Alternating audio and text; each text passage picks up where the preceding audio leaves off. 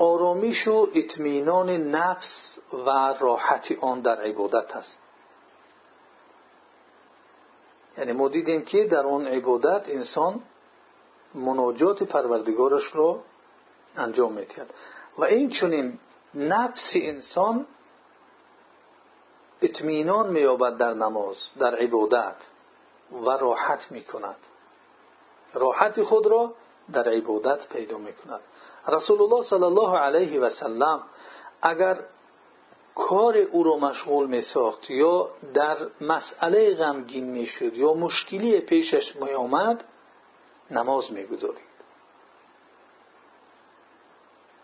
ببینید این راه رسول صلی الله علیه و سلم است برای حل مشکلات برای دور کردن غم و اندوه.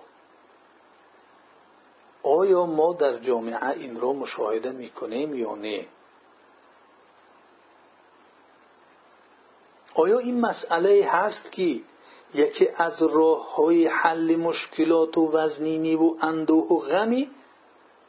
بندگان در این زمان ما باشد که وقتی به غم و اندوه یا مشکلی گرفتار شد فرق ندارد چه مشکلی است. بگوید که یکی از راه های حل آن گذاریدن نماز است. رسول الله صلی الله علیه و سلم اگر وقتی کار او را این گونه گرفتار می‌کرد یا به کار گرفتار می‌شد نماز میگذاشت.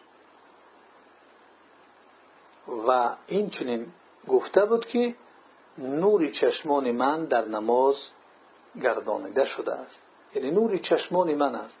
یعنی از چیزهای دوست داشته شده در این دنیا این برای من نماز است. پیامبر صلی الله علیه و سلم از امور دوست داشته خود نماز را ذکر می‌کند. از این جهت پیامبر صلی الله علیه و سلم اصحاب کرامش را تعلیم داد که چگونه نماز یک آلت و اسباب و سلاح برای حل مشکلاتشان و غم و اندوهشان می باشد